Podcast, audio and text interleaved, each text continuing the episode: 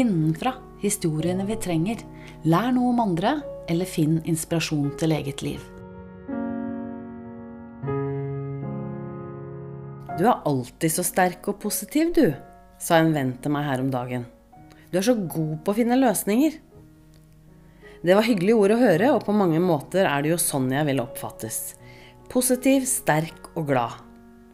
Men i det siste har jeg kjent på hvor mye det koster. Det koster å holde fast på positiviteten på de dagene hodet koker litt ekstra. Bare å skrive dette koster egentlig. Men nå har jeg ikke lyst til å holde det inne lenger, så jeg har brukt skikkelig lang tid på å forstå at sorgen over at jeg ikke kan se, må bearbeides. At grunnen til at jeg så ofte er sliten og kan si nei til avtaler på kort varsel, er fordi at energien er brukt opp. Hodet er alltid i beredskap, i forkant, nettopp for å kunne ha klar en alternativ løsning hvis det ikke går som planlagt. Ofte har jeg kanskje tre alternative løsninger på en situasjon. Tenk om all den energien heller kunne blitt brukt på ting som gir meg glede. Og tenk om jeg hadde innrømt dette mye tidligere. Det ville spart både meg og folk rundt meg for mange misforståelser, ord som burde vært usagt, og usikkerhet, tror jeg. Heldigvis er jeg mer på vei dit nå.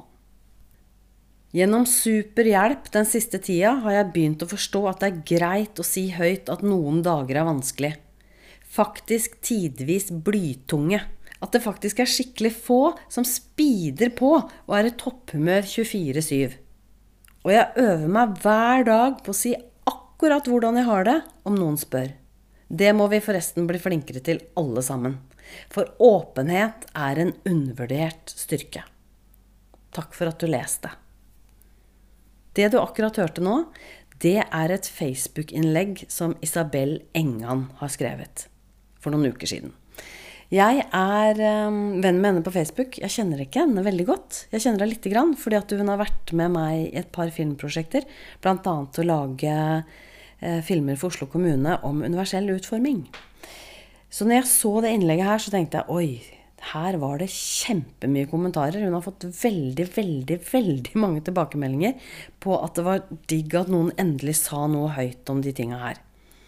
Så da tenkte jeg høre med Isabel om jeg kan ta meg en tur og høre mer om det her.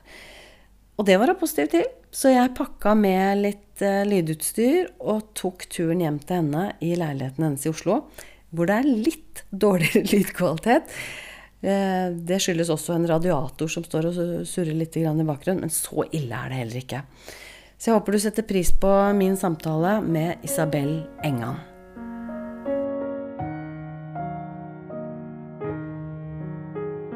Jeg går jo i terapi. Og i den terapien så lærer jeg veldig mye om at, uh, hvor viktig det er å kreve sin plass. Jeg har alltid vært veldig sånn at jeg skal tre litt tilbake for andre eller ikke være til bry. Så nå øver jeg meg veldig på å si uh, Eller egentlig både å si og erkjenne akkurat det jeg føler og opplever. Så det å skrive et sånn type innlegg eh, var en ganske lang prosess, for jeg gikk jo gjennom alle de fasene sånn Herregud, hvorfor skal du stikke deg fram? Eh, hvorfor er det her noe mer spesielt enn det andre kjenner på? Eh, nå kommer alle til å tenke at du trenger oppmerksomhet. Eh, jeg hadde jo noen sånne runder, men så kjente jeg at vet du hva, akkurat nå så trenger jeg å si det til folk. Og så opplevde jeg at jeg hadde noen ting jeg ville si unnskyld for. Eh, det skriver jeg vel også litt om. At eh, det, jeg tror det er mange situasjoner som har vært uheldige, som jeg eh, tror vi kunne unngått hvis jeg hadde turt å snakke høyt om hvordan jeg har det litt tidligere. Så det var egentlig den som vant, da. At jeg må drite litt mer i hva andre tenker, og huske på at jeg også er viktig, da. Jeg har nok et litt sånt image som sier at jeg skal si ja til alt alltid. Det tror jeg har gjort at eh, jeg har fått noen opplevelser som ikke har vært så bra, verken for meg eller de andre involverte i dem, fordi jeg har gått på Sparepluss, da. Og da mm. blir det ikke like mm, fint som det kunne vært. Da jeg publiserte det, så fikk jeg fullstendig panikk. Det er kanskje litt overdrevent, men det opplevdes sånn. Fordi jeg fikk et kjempehjertebank og tenkte sånn Nå har jeg gjort noe farlig. Eh, så da la jeg vekk telefonen og gjorde noe annet i to timer. eh, og da jeg sjekka telefonen igjen, så var det veldig mange som hadde gitt god eh, og fin respons. Det virka som at dette var et innlegg som flere satte pris på. Og mange takka for at jeg hadde vist meg sårbar og fortalt om ting flere kjente seg igjen i. Jeg tror også veldig på det at mange nok kjenner på at vi må jo være sterke. fordi at hvis vi viser at vi ikke får til alt, eller at vi ikke ja, kan fikse ting uten å ta imot hjelp, så, så bekrefter jo bare det fordommene som fortsatt dessverre er der ute. Tilbakemeldingene rundt sorgen over å ikke se gikk på at det, det er flere som kjenner seg igjen i å føle på en sorg. Og eh, de var takknemlige for at jeg satte ord på det, fordi flere ikke har opplevd aksept eller ikke helt visst hvordan de har skullet fortelle om sorgen. Eh, og det å kalle det for en sorg er jo ganske stort. Mm. Eh, sorg er jo unngripelig, på en måte. Det er jo ja, vanskelig å forstå i utgangspunktet. Men eh, det var viktig å si noe om fordi det er jo en sorg for meg. Mm. Eh, at jeg ikke kan se. På lik linje som at det er en sorg for foreldrene mine. Men vi har to forskjellige sorger. Mm. Eh, de har eh, kanskje sorg litt mer rett over alt de vet jeg går glipp av. Og over en framtid de hadde sett for seg som aldri kan bli sånn. Mm.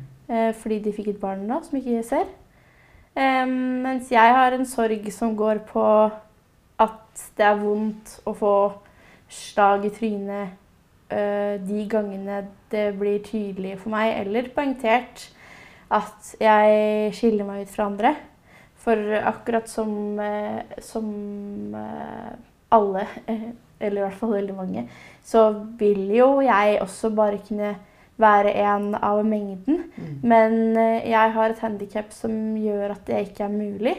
Mm. I tillegg til at jeg enten har med meg hund eller stokk. Eh, og det tror jeg har vært noe av det som har vært vanskeligst å godta. da. Sånn kan sorgen utspille seg. Eller det kan være dager hvor jeg kjenner sånn Å, hvorfor Hvorfor må jeg hele tiden være avhengig av folk til å forklare meg ting? Mm. Jeg, jeg var, bodde hjemme, så var det sånn Åh, hvorfor må, hvorfor må alltid jeg bli kjørt? Eller hvorfor kan ingen kjøre når jeg vil? Mm. Hvorfor må jeg tilpasse meg?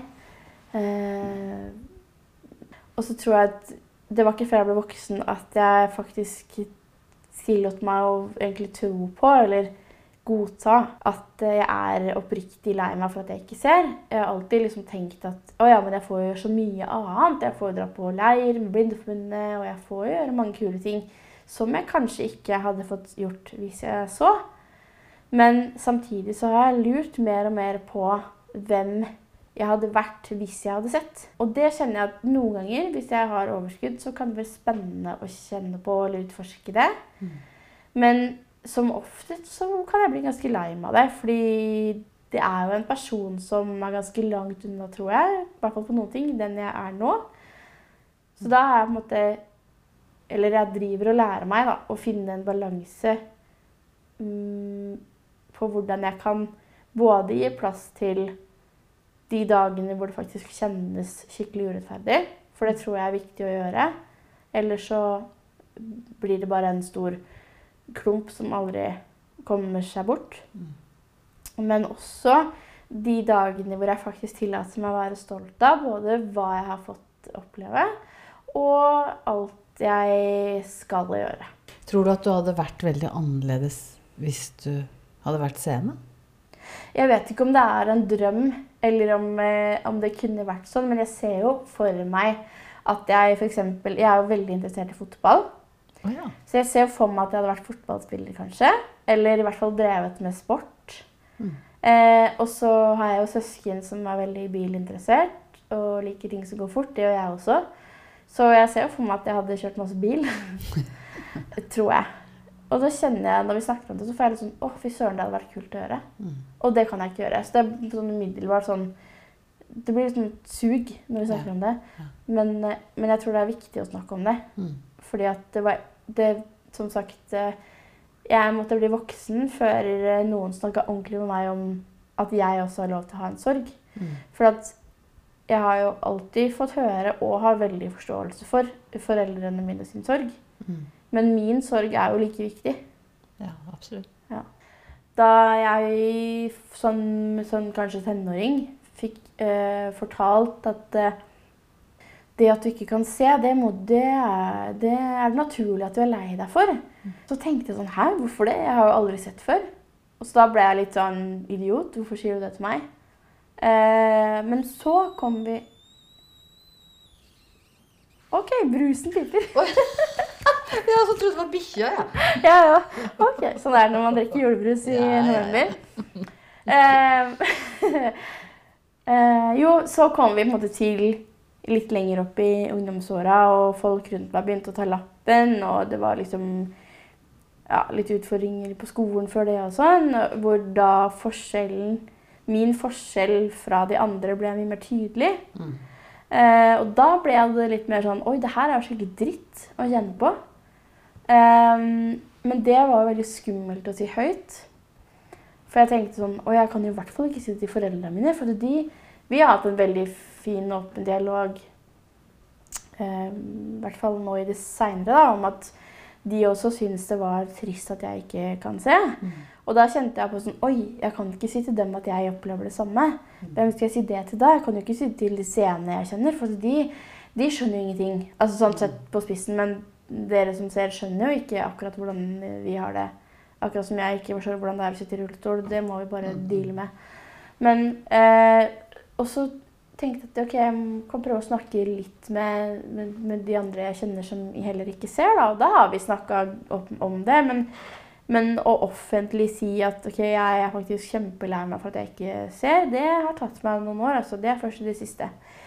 Um, og så er det sånn at uh, jeg tror det er veldig bra at, uh, at vi snakker om det, fordi ehm, jeg mener jo at det at jeg ikke ser, er jo bare en liten del av hvem jeg er. I utgangspunktet.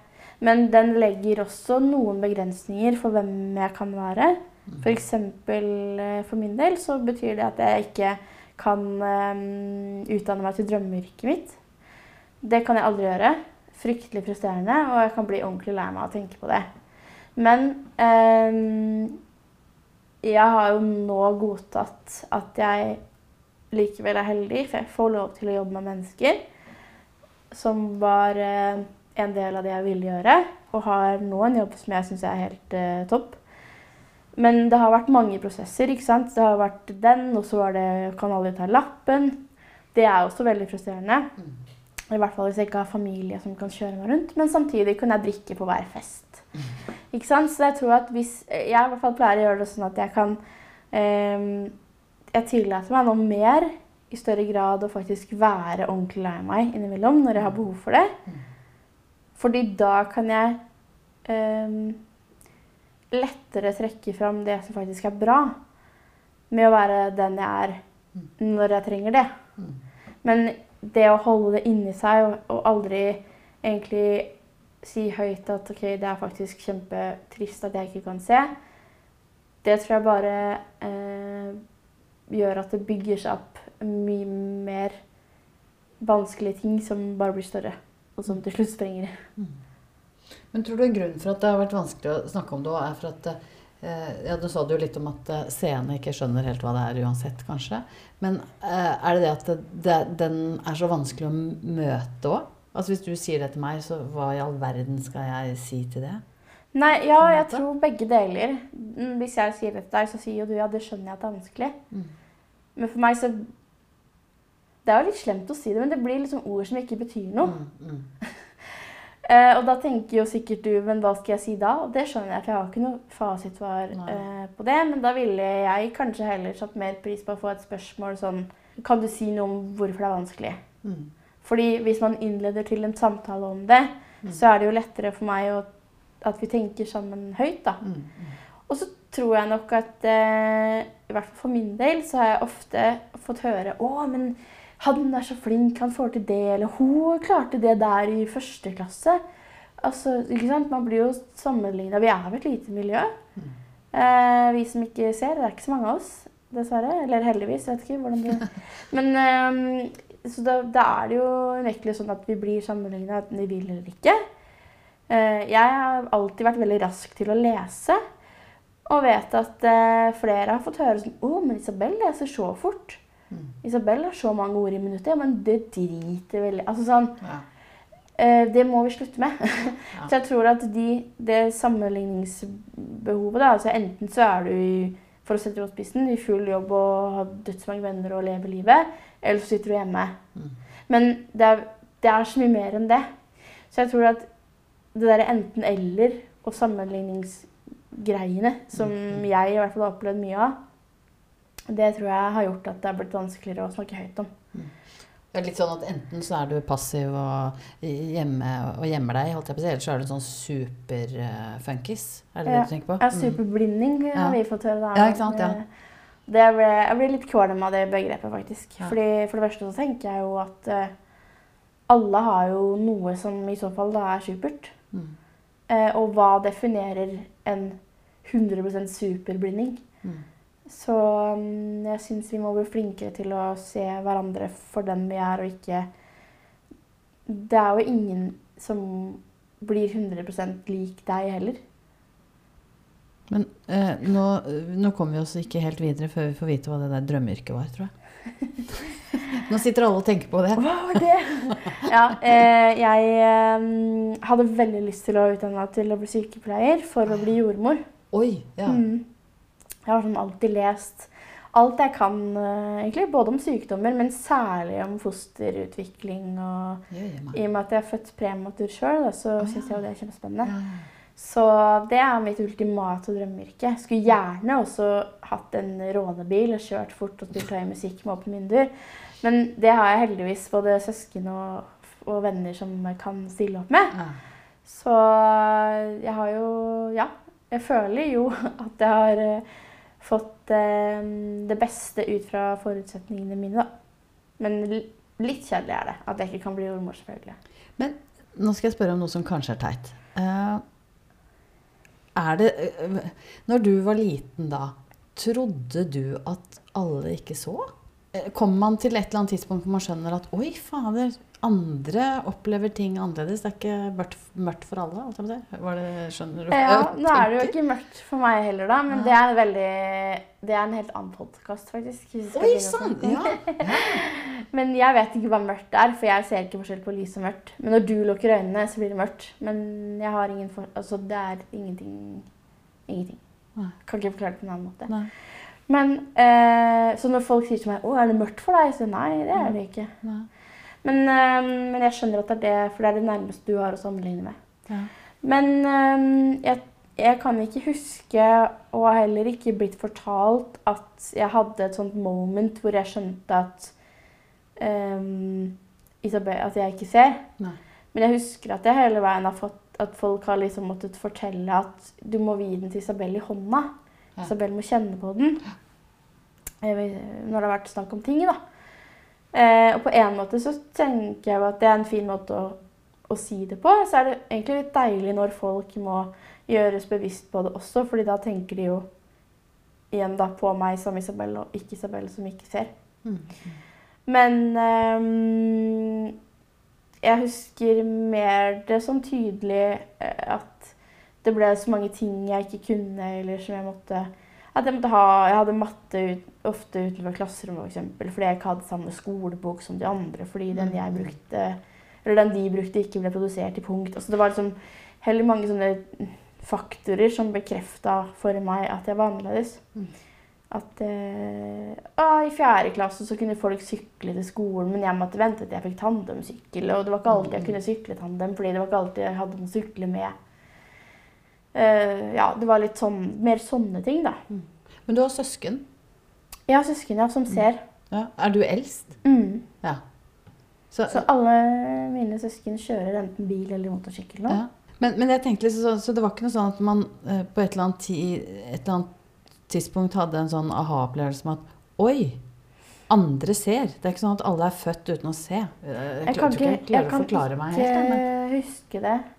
Jeg har heller ikke blitt fortalt noe om det. Så jeg tror for meg ble det bare sånne, ja, sånne små Mm. stikk, da, eller sånne Ja. bekreftelser på at jeg var annerledes. Så dette kan ikke du gjøre, for du ser ikke. nei, ikke sant? Å ja, oh, ja, så andre ser. ja. Ja, ikke sant? Sånn, ja. At det er sånn Ja. det går inn, på en måte. Ja, Mm. For min del i hvert fall. ja for det er jo Jeg har jo alltid hatt denne verden, da, ikke sant. Så for meg så øh, Jeg har aldri Altså, jeg har jo aldri sett øh, Så jeg tenker jo ikke så mye over at altså, sånn, Jeg vet bare at andre som regel ser, og sånn er det. Men tror du det hadde vært annerledes som eh, sånn eh, det, det indre livet, holdt jeg på å si? Tror du det er veldig vanskelig å si. Ja, ikke sant?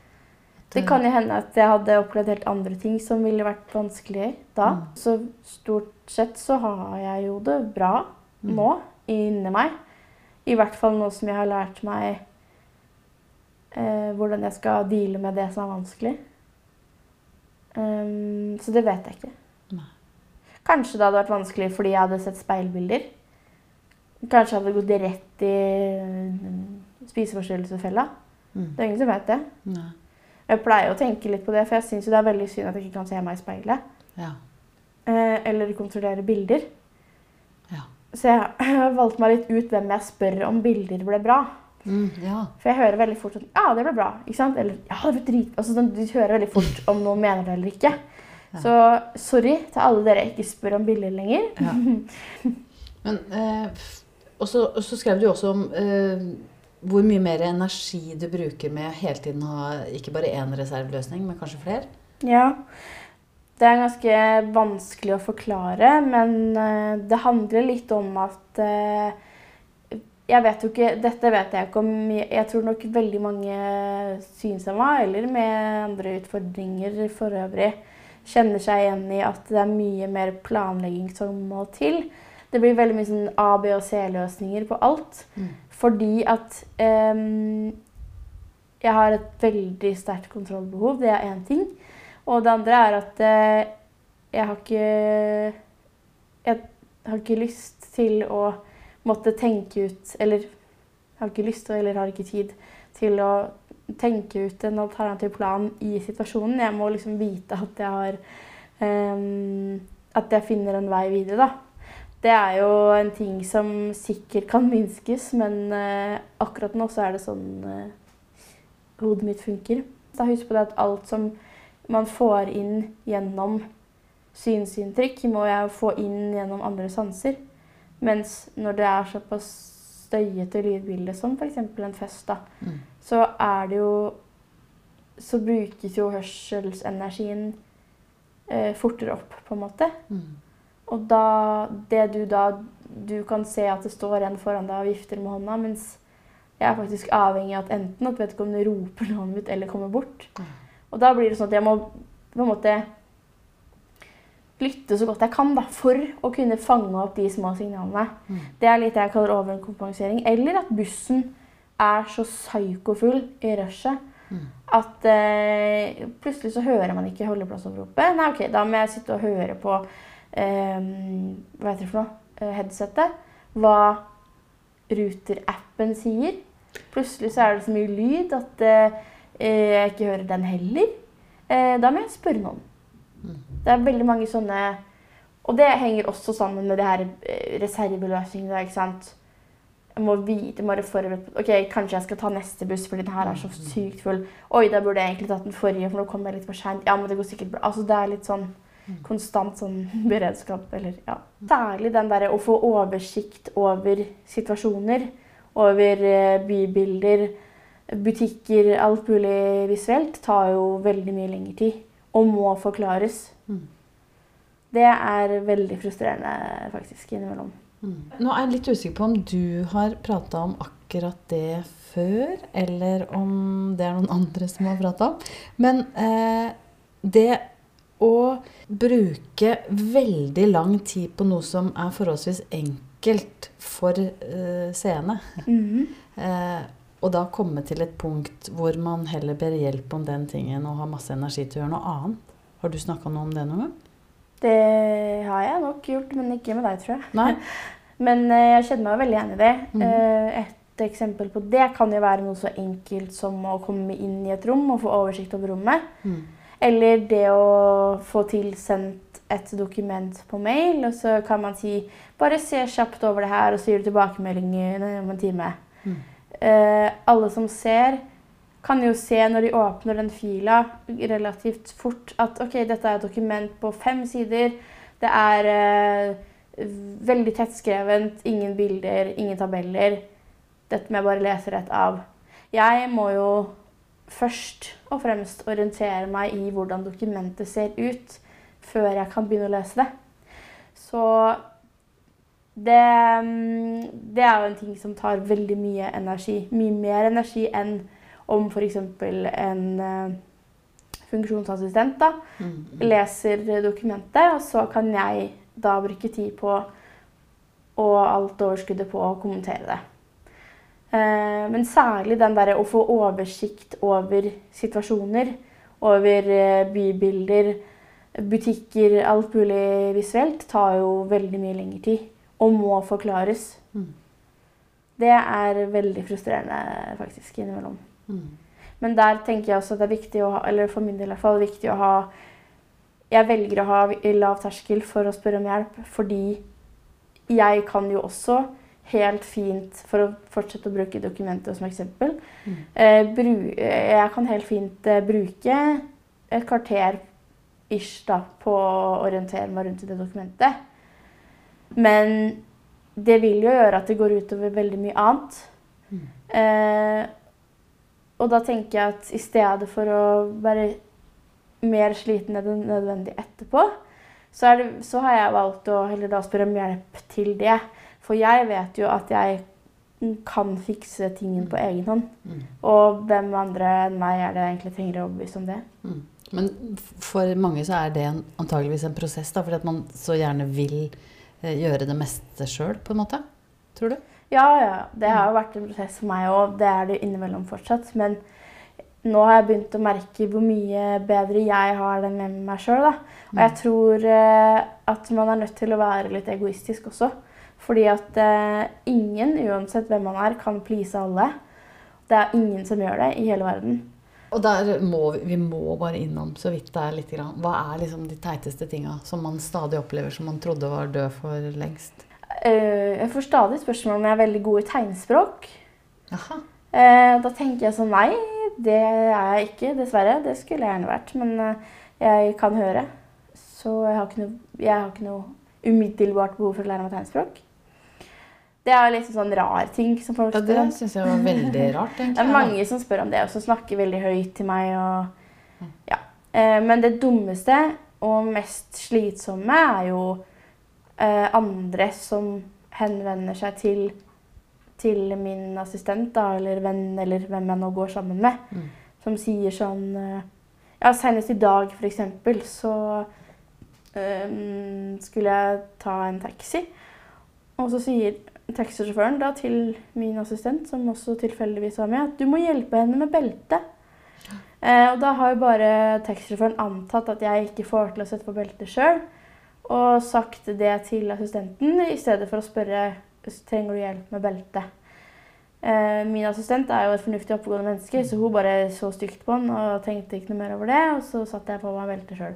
Men ikke sant, det er jo det er mange ting, men det er kanskje noe av det mest eh, Jeg er litt sånn usikker på hvordan vi egentlig skal få bort den usikkerheten blant folk, for det er nok det det er. Det er jo, jeg velger å tro at veldig få mennesker i verden er bevisst onde og ute etter å lage dårlig stemning.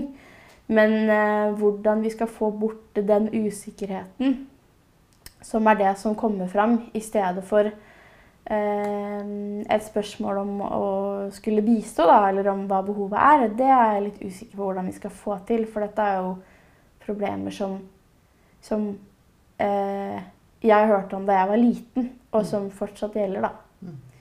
Hvordan er det du snur når du er i en litt sånn sorgfølelse, da? Ja, det skulle jeg ønske at jeg hadde et kjempesvar på.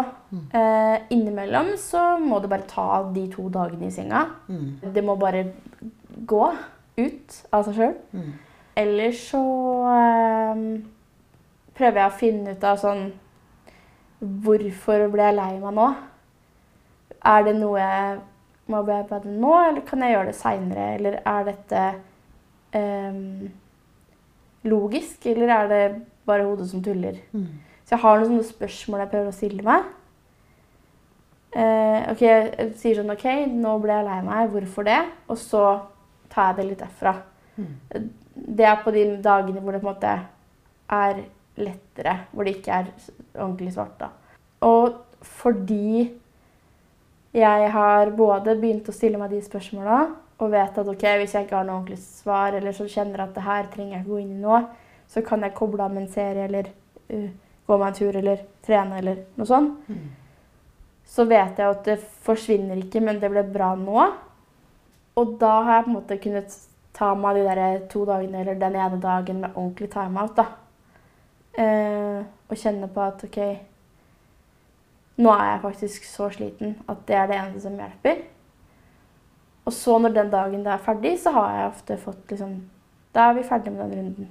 Jeg vet ikke om det er sånn jeg kommer til å ha det for alltid, eller om det er en quick fix for flere, men det har i hvert fall funka for meg. Og så tror jeg at noe av det viktigste er at jeg har begynt å si det høyt. da. At ok, jeg, det her gjør meg veldig sliten. Men jeg har i stedet for å si sånn Nå er jeg så sliten. Så har jeg begynt å si at vi gjorde det sånn nå, ble jeg veldig sliten av. Eller i dag har det og det skjedd, så egentlig så kjenner jeg at jeg ikke orker det. Og det er vel det jeg har lært mest av, at når jeg bruker litt tid på å både kjenne på hva jeg faktisk opplever, og det å sette ord på hvorfor eller hva som har ført til at det er sånn, så kjenner jeg at jeg blir mye mer bevisst på situasjonen jeg er i, og mine egne reaksjonsmønstre. Da. Og så velger jeg litt mer ut både hvem og hva som gir meg energi, og hva som tapper. Eh, og det er nok det aller viktigste. Jeg må ikke please alle andre eller eh, fikse alt fordi samfunnet forventer at eh, alle skal fikse alt alltid. Så ja. Det er vel det enkle svaret. Der er vi vel alle. At vi, vi kommer til et eh, punkt hvor man sier nå er det bra. Nå, Mm. nå gidder jeg ikke å late som eller gi uttrykk for ditt og datt lenger. Nå, det får tåle det jeg sier, på en måte. Det, er jo, du blir jo ikke noe bedre menneske av å ikke være tro mot deg sjøl, liksom. Nei. Å gå på felgen hele tiden. Litt sånn som det du har snakka om, med hvor mye energi det tar med disse beredskapsplanene dine til enhver tid Mm. også. Det, du bruker mye mer energi på eh, reserveløsninger og planlegging. Ja, og så tror jeg det eh, er jo en ting som følger med det å ikke se noen ting. Da. Vi er nødt til å bruke sansene våre på en helt annen måte. Men når vi, eller jeg, da, tør å si høyt at jeg blir mer sliten av det, så er det jo både en bekreftelse for meg sjøl, men også en opplysning til de jeg er rundt. da. At ja, faktisk så er det sånn. Fordi i den sene verden så opplever jeg at det er lett å bare ture på og bare gønne på og bare ta en ny situasjon som den kommer. Men det er jo selvfølgelig også fordi at alle som ser til enhver tid, får inn de visuelle inntrykka også. Men de må jeg få inn på en helt annen måte. Og da kan det være lurt å tråkke litt på bremsen innimellom. Men det koster å si ifra om. Selvfølgelig. Ja. Så det er øvelse. Men er det for å liksom at man vil være så vanlig i gåstegn som mulig? Eller er det fordi at man Den liksom fella med enten så er man en sånn som ikke er med på noen ting og bare sitter hjemme, eller så er man en sånn superversjon. Ja, du stiller jo det som at jeg kan svare for alle igjen, men jeg kan jo bare svare for meg. Ja, Eh, det skjønner jeg. men, men jeg opplever det sånn, ja. Det er ikke noe, det er ikke så mye Eller det har blitt mer, men det er ikke så mye um, aksept for den derre mellomtingen. Men vi blir jo mer slitne, eller jeg blir mer sliten av å ikke se. Det er jo sånn det er. Mm. Men det må, eller det måtte jeg i hvert fall anerkjenne for meg sjøl før jeg kunne si det høyt til andre. Eller uh, være enig i det når andre sa det til meg. At du må bli mer sliten av dette. Mm.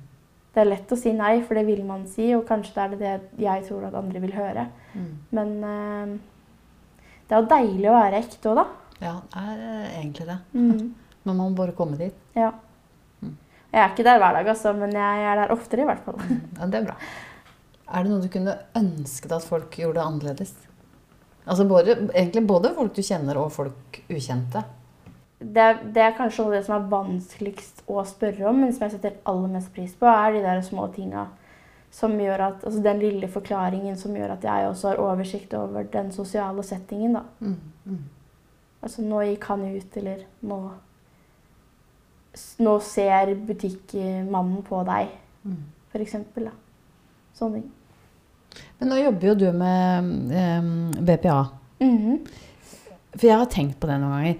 Hvis det var sånn at jeg var avhengig av at noen eh, bisto meg til forskjellige gjøremålene jeg skulle ha, så hadde jeg jo eh, Jeg måtte jo bare akseptert det. Det var jo en måte å få gjort det på. Mm. Men det må jo være jævlig irriterende noen ganger òg. Ja, det er det. Det er det. Og det er også en ting som ikke mange snakker så mye om, opplever jeg, da. Vi hadde en situasjon her hvor eh, jeg har jo en samboer som heller ikke ser. Mm. Vi hadde en uh, situasjon hvor det var nødvendig å lese av en graviditetstest. Og da sa jeg til den stakkars assistenten som måtte være med på det, da, at eh, nå bare sender du hva den testen viser på SMS, og så kommer du tilbake om en halvtime, for dette øyeblikket skal vi ha for oss sjøl. Ja. Det er jo selvfølgelig kleint å vite at denne assistenten visste svaret på ja, eh, testen før oss. Det er ikke bare kleint, forresten. Det er fryktelig trist. Mm, mm. Men vi, vi måtte jo bare deale med det, og så Mm. ta det derfra. Mm, mm, Eh, så sånn, sånne situasjoner er det liksom faen òg. mm. Altså, hvorfor all verden kunne ikke forelska meg i en som ser? Nei da. Ja. Men eh, Nei da. Men eh, jo da. Nei da. Men, eh, men ellers Hvis du skal snakke til noen som er i din situasjon, som er unge, altså som er tenåringer, hva, hva er de, liksom, de beste rådene du kan gi for at de skal ha det best mulig og enklest mulig? Kjempelett spørsmål, selvfølgelig. Um, jeg tror at til Uansett uh, funksjonsfrisk eller ikke, så vil jeg nok si at uh, Si det til noen hvordan du har det. Enten det er uh, ved å skrive det, eller si det på talemelding på WhatsApp. Mm. Eller og uansett hvem du sier det til, så lenge det er noen du stoler på, eller det er type Røde Kors eller hvem man, altså disse samtaletjenestene som finnes. Mm. Fordi det er mye bedre å ha det vanskelig når man har delt det med noen. Mm. Og så vil jeg tenke at hvis du er synshemma, så ville jeg tenkt at bli heller dritgod på ett sosialt medie. Eller konsentrer deg om noe du føler at du får til. For at de som velger å henge med deg da, det er de som eh, kommer til å være med deg i krigen. Mm. Ja. Det var ikke så verst, det. er det noe mer du har lyst til å slenge på? Nei. Nei? Jeg husker ikke halvparten. men, Nei. Tusen takk til Isabel Engan for en kjempefin samtale om et utrolig viktig tema. Takk for at du hørte på denne podkasten her. Innenfra finner du på Facebook og på Instagram, på innenfra.no og på YouTube. Mitt navn er Mona Mo, og det er jeg som har produsert det.